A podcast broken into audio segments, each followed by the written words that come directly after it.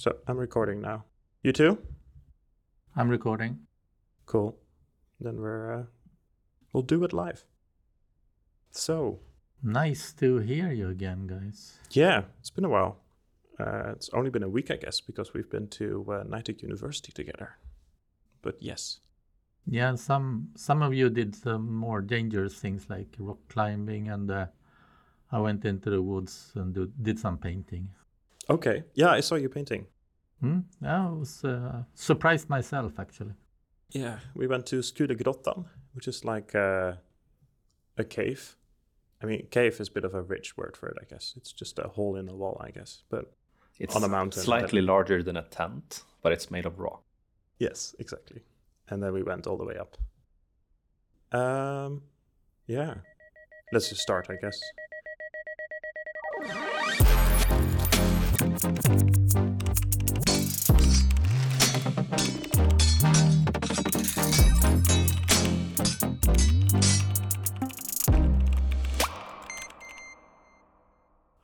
welcome to. Uh, I wanted to say Patroden, but we're not Patroden anymore. We're uh, Knights on Wires. My name is Peter. My name is Johan. And I'm Robin. Whoa, we did this like right without assigning numbers this time. I'm uh, proud. I'm also frantically pointing at things in the room. And we talk about what we're doing when we're working in the office or, yeah, when we're working on our different projects. So, what's up in your life, Johan? Thank you, Peter. uh, so uh, yeah, last time we talked a lot about what we're kind of doing in projects. We, uh, went into a lot about data lakes and uh, enrichment and and, and such.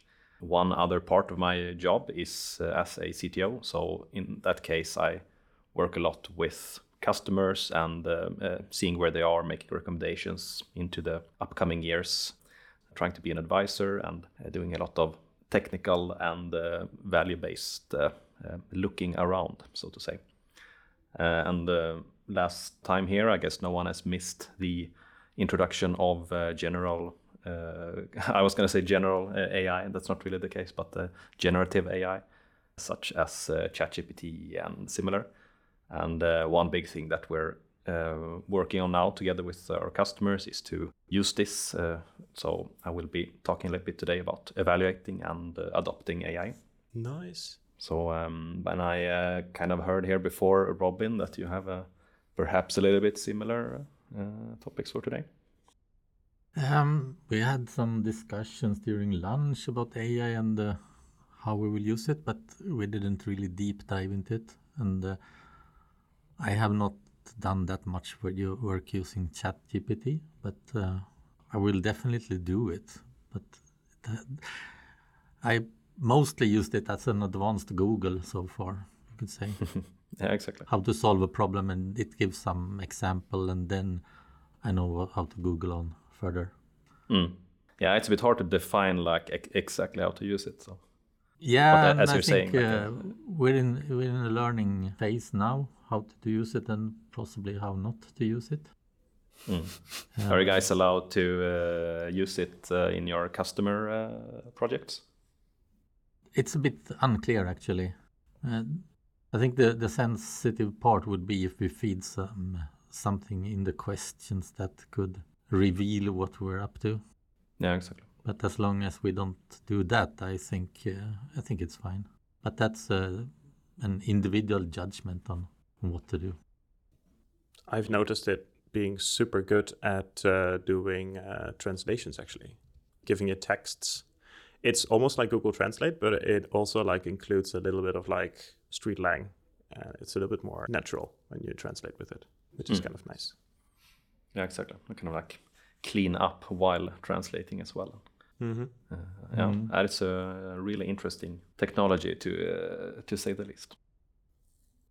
But I, I, I've been up to mostly more sim, more simple stuff like uh, unit testing and, uh, in particular, unit testing of the infrastructure code, which is something I've rarely done before. But now we're going to share some code with other more remote parts of the company. Mm-hmm. So we want to make sure that we don't change anything unexpectedly in the deployment. so it will continue to work. So what we do now is uh, snapshot testing. So we essentially you create a snapshot of what the infrastructure code would generate and make sure that everything that should stay fixed is actually fixed. So you make a snapshot of the AWS asset map, or how does that work? Uh, not the asset map, but uh, everything else in it. Because the asset part, which is what we deploy, that will change every time we deploy. But the infrastructure around, like references to other components in AWS, that should stay fixed. So we snapshot essentially this uh, the generated template, and we make some exceptions that okay, The cl- cloud formation template. yeah, that's the CloudFormation template. Okay. And then we exclude a couple of, of the items there like the hash of the of the code that we deploy and say that everything else should stay the same Hmm. so that that um, gives a little of, of, faith Yeah. but it removes most of the hard things with the writing unit tests where you assert every individual thing Hmm. but there there are some dangers to doing snapshots for testing in general but for this infrastructure code i think it's okay Okay. Yeah, snapshot testing with pictures has always been super iffy for me. Uh, so we're on a team where some people prefer a Windows computer, some people have a Linux computer, and then some people have a Mac. And when we're doing picture snapshots, I always notice that whatever system you're on, it will always be a little bit different because fonts get rendered different. Whatever you're doing gets rendered different. But in your case, like, are you committing the state of your infrastructure with the rest of your code, or is it living somewhere else? Like, how do you keep the state of this snapshot? Who who controls it? Uh, it's part of the unit test, so we make the snapshot and check it in with the unit tests. Okay. But we separate the infrastructure tests and the business logic tests, so it's easy to see what is what. And you can run them I think- separately. Yeah, the danger I mentioned was uh, if you make snapshots, you you make the expected answers by making a snapshot, then there's a risk that you just accept anything that you see. So you have to be a bit careful to actually review when you make a new snapshot.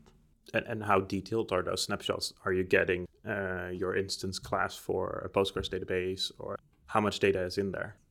It's everything that's in the CloudFormation template with a, a couple of exceptions. That's pretty neat. So the frame the framework we're using for that is called Syrupy. Syrupy.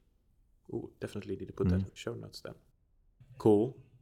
That, that's can- actually really can Google that. That's really useful. But what's the quality control? Because if you check it in, everybody can kind of edit it. Like how how well are you um, keeping track of that the state doesn't change? Like how, how is that controlled? Do you need to make separate pull requests for this, or is this just included with like the work that you're doing? And is are these snapshots actually readable in a pull request? They they are very readable. It's uh, it's almost they are almost as readable as the CloudFormation templates. They are wrapped in a Python-like uh, dictionary syntax, but reasonably readable. hmm Okay, so you're not running the risk of I created like a little S3 bucket and then I have 3,000 lines of code changes and good luck finding out what, what, what is actually going on. No, I don't think that's going to be a problem. Oh, nice. And and for the initial snapshot, you have to do some other testing. So you deploy, and if it works fine, then you make the snapshot. But that, that's after that phase. That's when you want to be sure that when it's in production, that it uh, it doesn't mistakenly change the name of a stream or something that could break in production. That's pretty awesome. But it, it's quite new, so we, we we'll see. The, we have some controversy in the team also whether this is the correct way to do it. Uh, always good to verify with automation Hmm. every time something tries to be changed. Yeah. But I- I've seen when when making tests that that are snapshot based in other contexts, I've seen the danger that it's way too easy to just accept that. Oh, okay, this is the outcome. It's probably probably okay, and uh, especially when it comes to business logic, because sometimes you should really think through and maybe compute the expected results separately from the code. yeah. When we do snapshots with Jest, which is the the standard, or like I'm not gonna say standard for JavaScript ever, but it's a testing library in JavaScript, and then uh, it'll just tell you like this snapshot is out of date, but it will not immediately give you what has changed, and then you hit U on your keyboard, and then it will pretty much just update all the snapshots everywhere. Um, so Mm, yeah. I would I would figure that in your case it's a little bit more difficult to actually uh, update those snapshots, or you need to actually look at what's happening. Mm. But that's that's a pretty cool thing. Uh, what's the purpose of making these snapshots? Like, what are you doing with it? Now the purpose is to make sure that uh, our infrastructure is stable. Okay, and that is monitored by the QA team or some other team within your project. No, we, we run them at unit, unit tests, so it's just our project that are responsible. Okay, But it, it's easy to make a change to, to infrastructure code. In, in this case, we use CDK, and uh, there are a lot of complicated things, and maybe you want to refactor to make the code simpler. But how do you know that it is actually deploying the same thing, ex- except for the wanted changes? Hmm. So I think the snapshot is fine because the, at the end it will just generate cloud formation. yeah, it, it sounds pretty awesome to me. Like, it would definitely be something a QA team on my project would be interested in just keeping track of over time. Nah, I think it's Can you for- like- it's not for you the QA pull- team. at No, all. of course, but I mean, yeah, Hmm. that's awesome. Anything else on your end? I think that's the most. Nice. So, um, you want to circle back to you about your? Uh, I'm looking at uh, Johan here. We need to do In real more, life. more audio cues, I guess.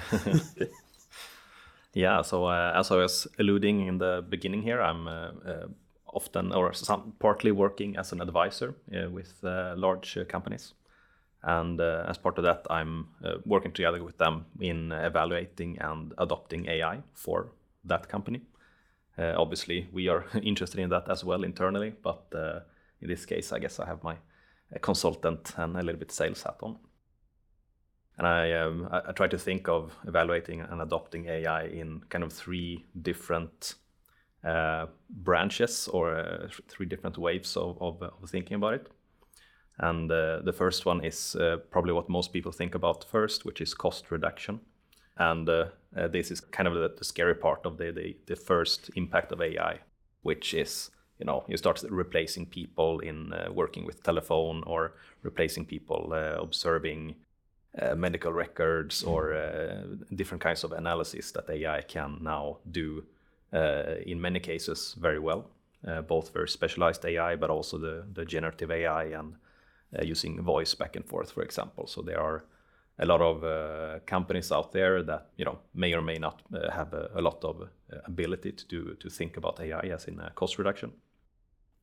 Even though it might be the, the technically most easy thing to do, uh, it is uh, probably the thing that uh, that you probably shouldn't start thinking about. Uh, like uh, um, for for a lot of reasons, obviously, like having uh, people in the company and directly starting to talk about cost reduction puts a lot of unnecessary stress. Let's say. The other pathway to think about is about empowering employees, and I think this is this is where it starts getting more interesting. Uh, I think overall, all companies are gonna continue what they're doing. Like a, a mining company is gonna mine, and a forest company are gonna uh, plant and, and chop down trees and so on. But uh, if you empower these employees or the, the equipment with uh, AI, then you can you can scale and you can start doing getting more productive by utilizing and uh, upskilling your existing employees and this is the this is mainly the, the part where I'm uh, where I'm working in. So we're looking a lot at uh, empowering employees that are working around the world, so like uh, tens of thousands of employees. And in this case, uh, obviously can't say too much, but in this case, uh, the growth of the company is actually limited on the amount of work that these you know ten or fifteen thousand people can do. So by uh, leveraging AI and uh, evaluating the abilities to uh, to help these uh, people in in their uh, line of business and uh, then adopting it and rolling it out to to them in a in a way that makes a lot of practical sense for what they are doing. Uh, that will then um, yeah basically empower them to to work in a much more efficient way, in a very data driven way. And on site, they are able to get a lot of uh, information and, uh, and uh, guidance uh, from, from the AI based on uh, the kind of structure capital and information that the company has uh, built up over a long time. It's really interesting. Um, so that's that's definitely an, an interesting approach, and like it's I think it's the the way to to to first evaluate and adopt AI in, in from from a big company's point of view. And the third last uh, Is this what should- they? Sorry, no, you go ahead. uh, was uh, there's a term called uh, digital self-management Hmm.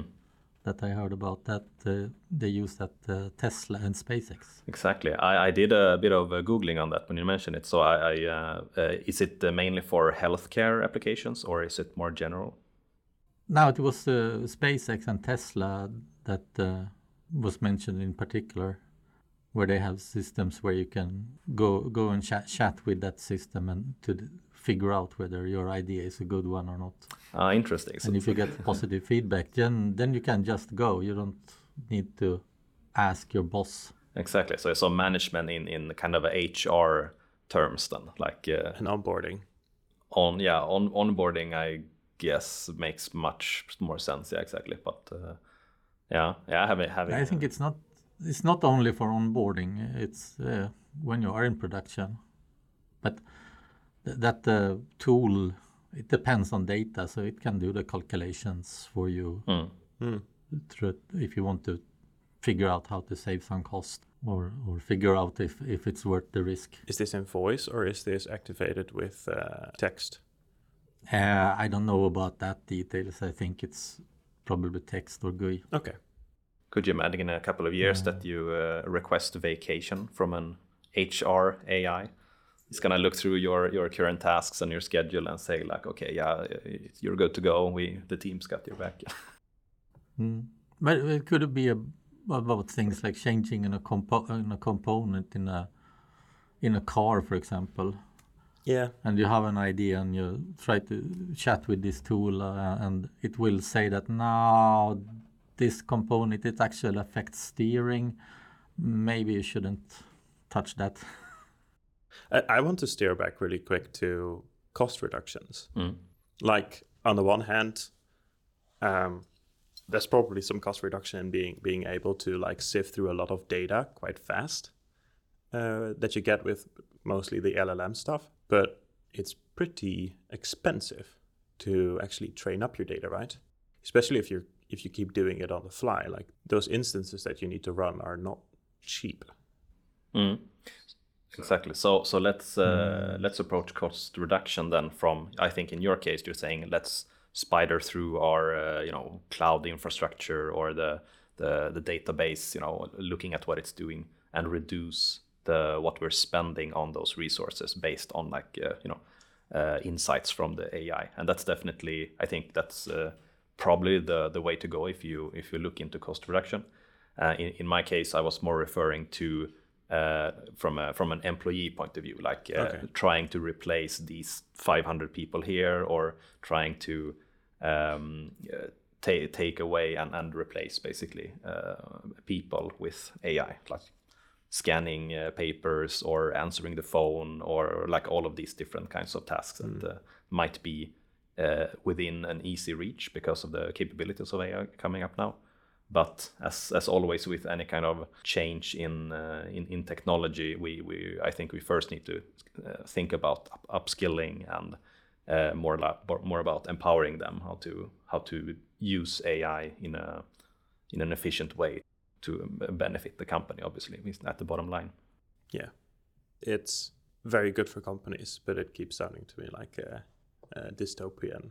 Uh, yeah, Yeah, but uh, I mean, uh, look back a couple of hundred years before industrial revolution, we were uh, out uh, chopping away in the fields and and uh, you know using cows to pull uh, to pull things. Like it's it's uh, it's hard to say like uh, the the future is the future is uh, dystopian. I think it's uh, it has a lot of potential to be much nicer and, and Yeah, take that's true. away Yeah. a lot of repetition. So.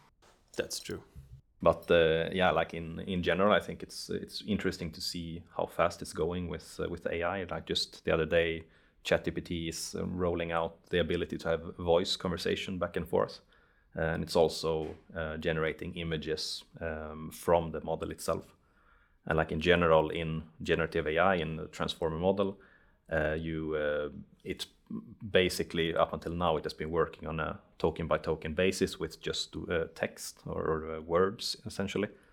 And uh, I think now with the more multimodal uh, models coming out with images and voice, I think the next big step will be when these tokens are actually also including sound snippets, so you can actually hear the the voice of the AI itself and not just text to speech translations of it.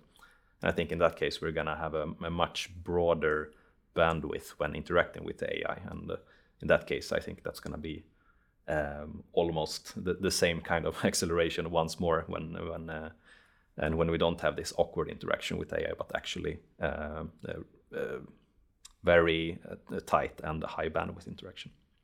And that kind of brings me to the third um, third kind of way of thinking about evaluating and adopting AI, and that's not looking again into the company but uh, looking at outwards like what are we producing.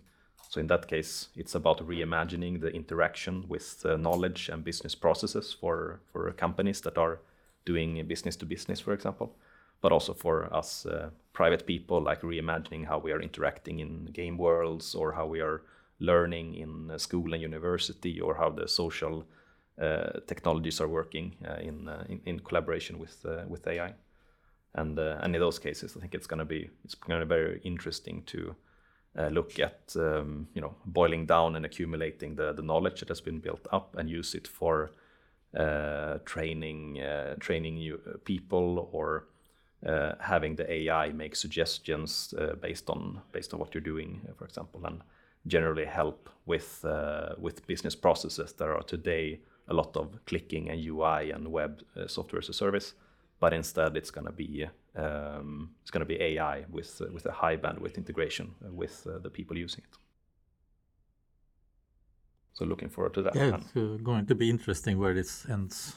Yeah, definitely. Or and, and maybe more. That's even. that's the wrong time, and it doesn't end end in any place. I hope.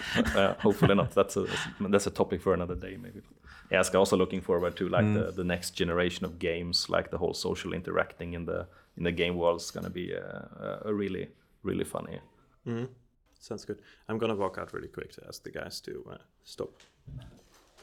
Okay, Peter, you have to explain. What are you up to? Ah, yes, han, uh, han går ut och uh, ska be några uh, som stod och pratade utanför dörren och härifrån. Sorry. Aha, han, okay. han, han, tar en liten snabb paus. På. no, han får redigera bort det. Ja, precis. Why did we go to Swedish? My goodness. right, three, two, one. Oh, no, it's not necessary. You can just keep talking. But hey, Peter. but hey, Peter, what uh, what have you been up to? Oh, so for me, it's been an interesting week. Um, so we introduced a uh, a text editor a while ago into our application. We're not out to the public yet, so like we can make a lot of like nice experiments, so we can try things out. Whew, I ran to the door and then now I'm here again. I'm so sorry. Catching my breath. So we made a, we're busy with basically a completely new application. We're greenfielding and the topic has come up to introduce a WYSIWYG editor. And what it basically means is uh, when you visit a website, uh, when you go, for example, to Google Docs, you can start typing and then you can make your text bold or you can underline it, you can insert pictures, you can do all kinds of fancy things um, normal text areas on websites don't actually support all of that stuff. So you need to get a plugin for it, or you need to write something yourself. Uh, Google has been famous for writing their own, uh, so they have like a really nice Google Docs uh, system, and all of that works really nice. But you can't really export that, so you can use that on your own websites. So we introduced a uh, uh, a text editing tool uh, called Quill, and then shortly after that, we started noticing there are some open XXS uh, related issues, some CVEs there. Again, we, we, were not using this tool in production yet, so we were quite we were quite safe. But we saw like there's some XXS. You can like inject some some JavaScript here, and then you can make JavaScript execute on someone else's machine. And the areas where the vulnerabilities were were also the areas where we're working with. So that needed to change. And then the idea came up: ah, we can kind of like sanitize or do extra sanitation of the input as we're sending it into the component. And then the other option would be let's just look around and see what other WYSIWYG editors are out there. And if there are WYSIWYG editors that are a little bit better, maybe, that do the things that we actually want.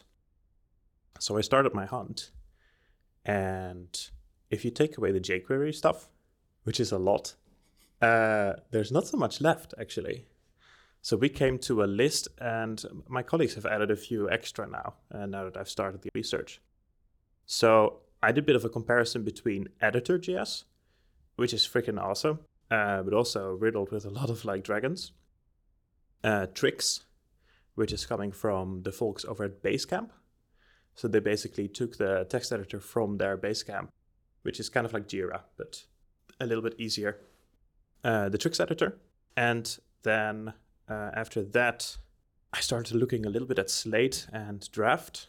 Uh, and Draft are kind of like more low level. You can implement your own like text editor and put in what you want, or make your own plugins. Kind of. Uh, they're way more focused on that. And then after that, I started looking a little bit at the paid options. And then you of course have CK Editor, which used to be free, uh, but CK Editor four and five, or five at least, started to cost money, and Tiny MCE, which is not actually so tiny, uh, but I'll come back to that one. it's a lie. no, so I started like comparing those. That was actually a super fun journey. So on our project, we're running Storybook, and Storybook is a way to kind of like test out components or application in a contained environment. So we're in the project running with an atomic design system, which means that we kind of like chop our application up in like smaller parts and UI kit components. So you have like little atoms, those are like your inputs or your buttons, or I'm looking here, we have icons, uh, paragraph tags, that kind of stuff that you use on the internet. And then with those little atoms, you can construct molecules, which is the next level of components that we have in our component kit. And then you're looking at like checkboxes that have like labels assigned to them. Uh, we have form groups.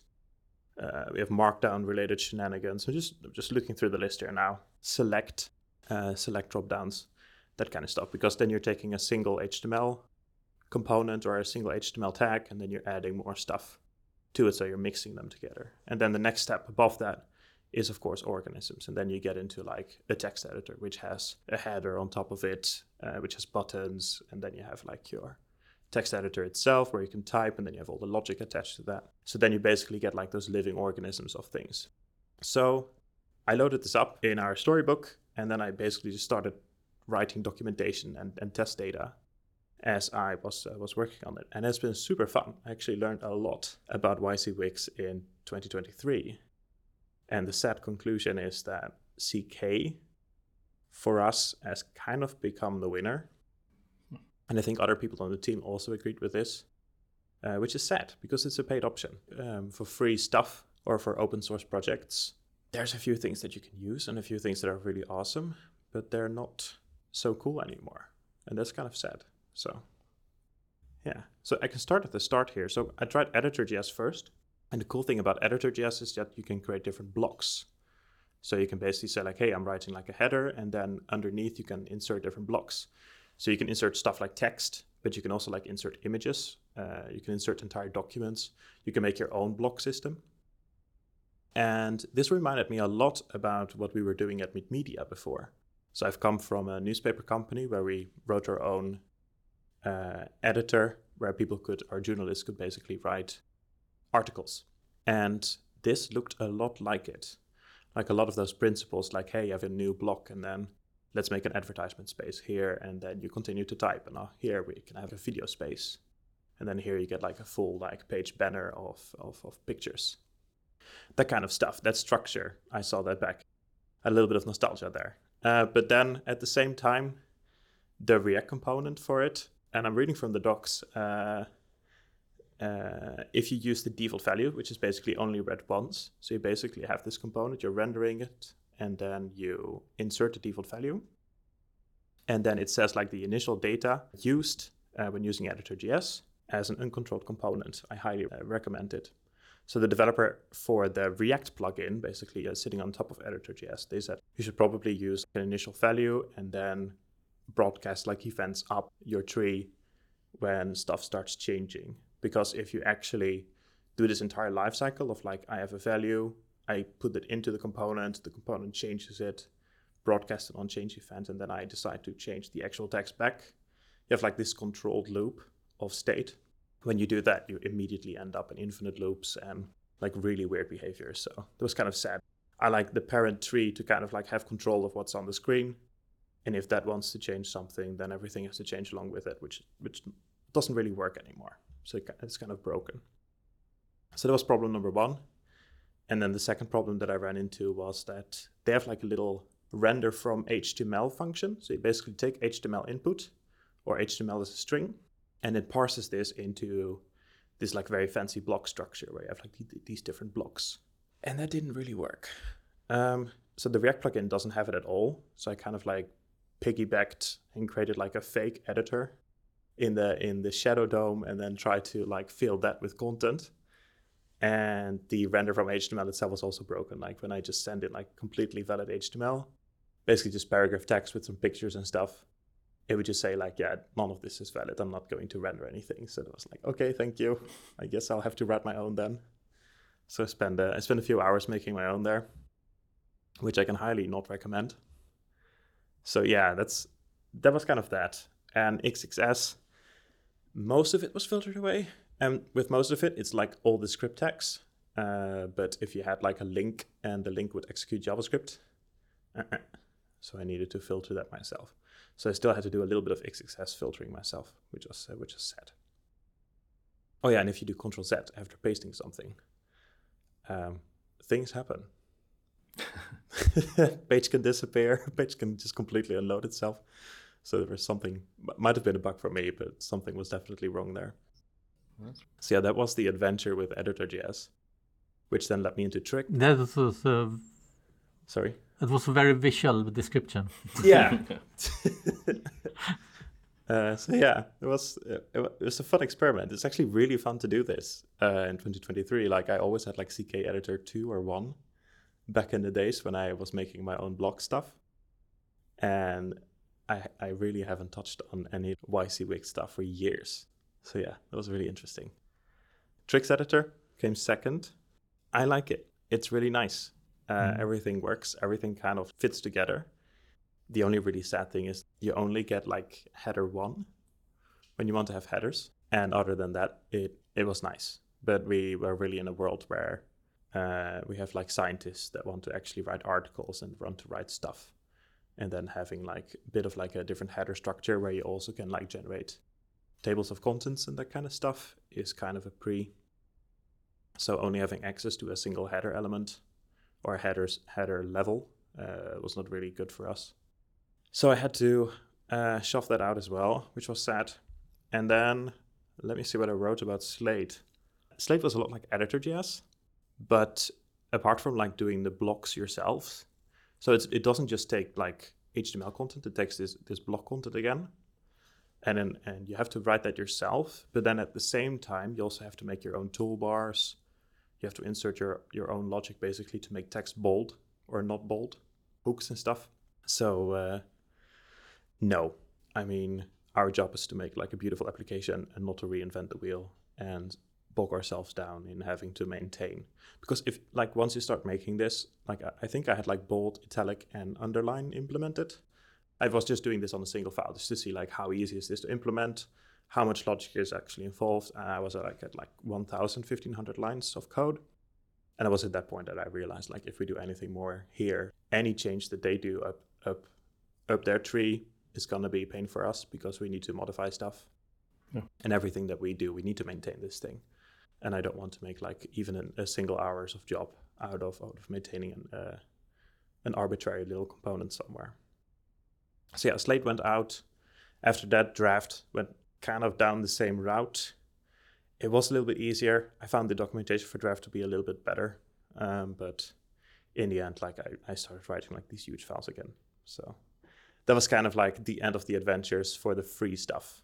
And then I looked at TinyMCE and CK Editor. And CK Editor is just bonkers. I mean, uh, by default, they come with this classic layout where you have like the, the, the thing on top, like your editor, like your bold toggles and everything in your heading toggles. Uh, but then they have floating bubbles and stuff that you can implement, and then basically the header disappears.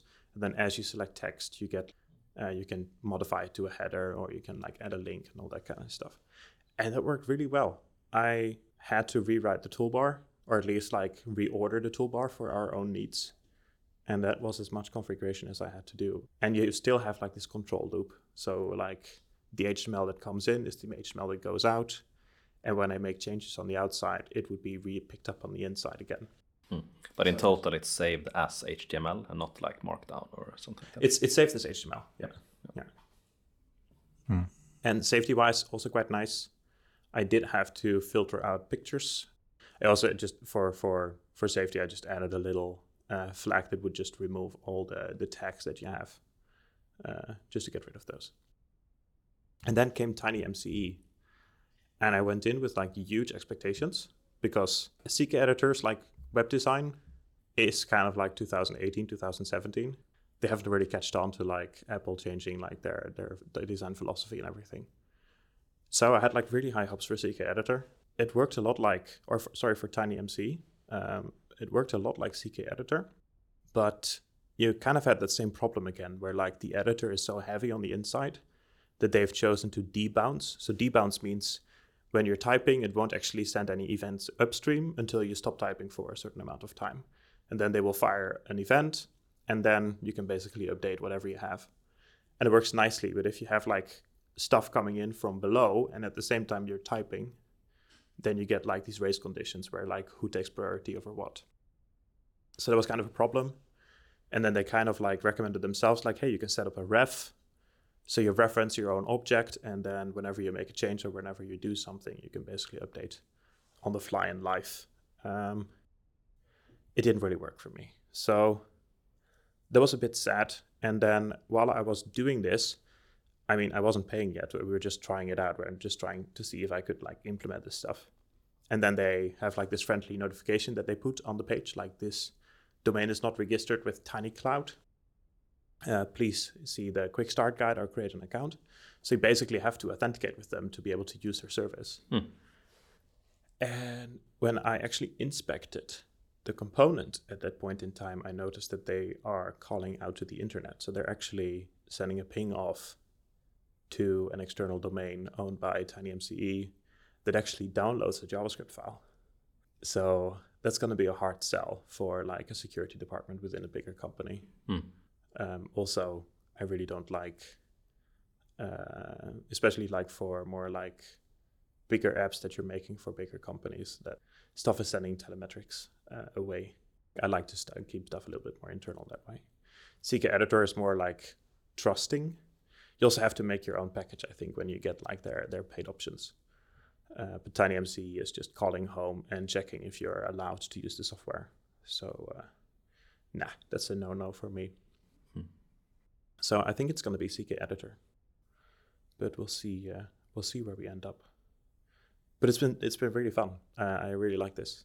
Hmm. So uh, it's a little bit surprising that it's so let's say so complicated, so, so spread.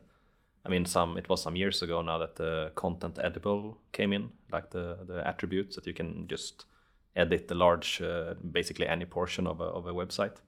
So it feels like uh, a pretty modern WYSIWYG editor would would use that, but also include some, you know, allowing you to set some headers and so on. So uh, it feels like uh, these uh, that have been known for a long time that they should uh, be uh, should be able to use use that to to make it a bit snappier. Yeah, yeah. For me, this was like we looked at we looked for something like that in a previous project, but didn't find anything. Hmm unfortunately, so that, then we skipped that WYSIWYG editing part. Mm. Do we have a topic for the hackathon then? yeah, exactly. Yeah. Mm. So yeah. I mean, I think uh, the reason is it's a bit hard to do a thing like that and make it work well, very well. I mean, Google Docs, uh, they nailed it, but yeah, something with standing on on shoulders of giants, I guess. But yeah, I mean, that's the interesting thing though. Like most of the good options now, you pay for them and you pay handsomely. uh, you would expect like that, like creates a world where competition is possible again. But the competition is just there's there's a there's a bit of a world of difference between um, what's free and what's paid for right now. So yeah. Mm. And I imagine in, in your case, the customer would be okay with paying if it is not in any sort of online validated license, like to, let, let's say it needs to work offline. Yeah, but we need to be able to plug out of the internet and Yeah, run this exactly. offline. Yeah. So yeah. True that. Not to do piracy stuff, but basically just because the world that I, I work in, um, a lot of stuff is just happening on machines that are not connected to the internet. Mm. Yeah.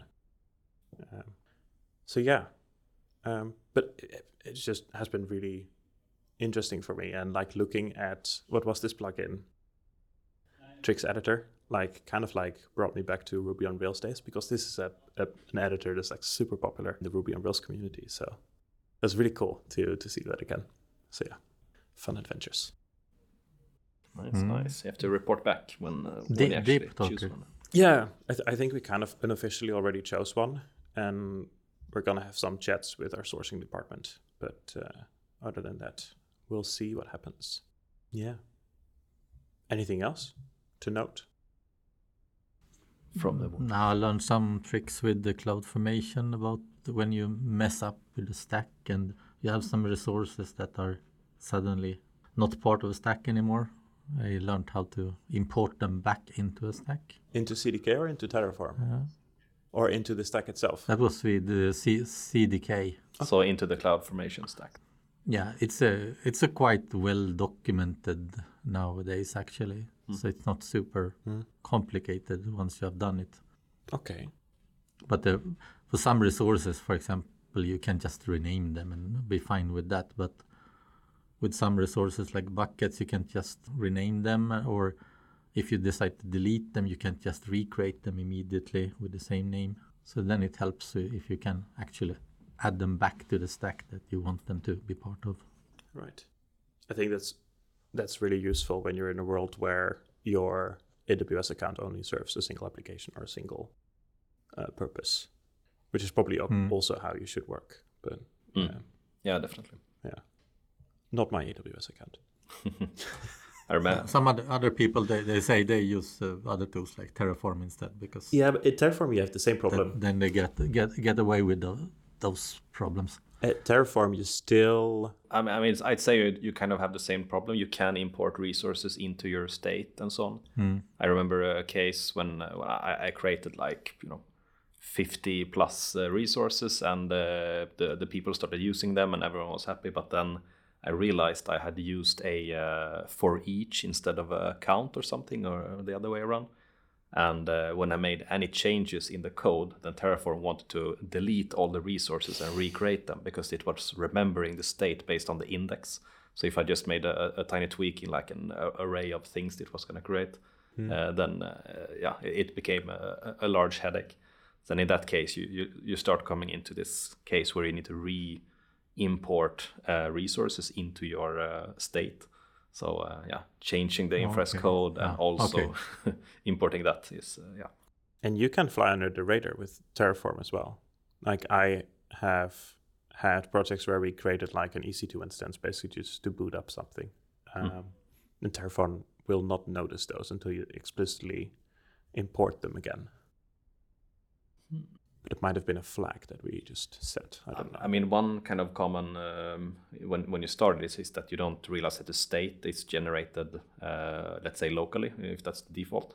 Hmm. Um, so usually you have an S3 uh, bucket uh, with your state, for example, or and so also more more advanced uh, alternatives. So as when you start having like CI/CD or multiple developers working with the same infra as code, then uh, if someone you know has their state up to date on the local machine and someone else tries to run it, and then it's gonna be a bit uh, confused uh, about the situation. So Mhm. so uh, it sounds a little bit like that might have happened, and if it just uh, disappeared and, and recreated something again. Yeah, Yeah, It's easy to mess up exactly. as long as you don't have, or in, if, if you're not in a hurry, then you can always recover somehow. But it's good to learn these neat tricks to do when you mess up in production. Also, hmm Yeah, I've actually used count zero a few times when we we had like if statements like should this resource be deployed in Terraform, and then if not, then we basically just set count zero and we just not create them. Hmm. It's a really nice flag where you can have the code sitting around without actually using it. Anyway, um, I think we have to put an end to this quite soon because my train to uh, Åre is leaving quite soon. So, um, thank you for listening. Yeah. Um, thank you, Robin and uh, Johan, Thank you, Peter. for being here. Yeah, thanks. And uh, if you are listening to this and you want to know more, please visit knightec.se or uh, visit our podcast websites. Uh, we'll also try to include all of the things that we talked about today in our show notes, so make sure to check that. If you have questions, check our contact page or uh, write in the poll that we have on the Spotify episode. See ya! Cheers. See ya. Cheers. Bye! Bye. And good.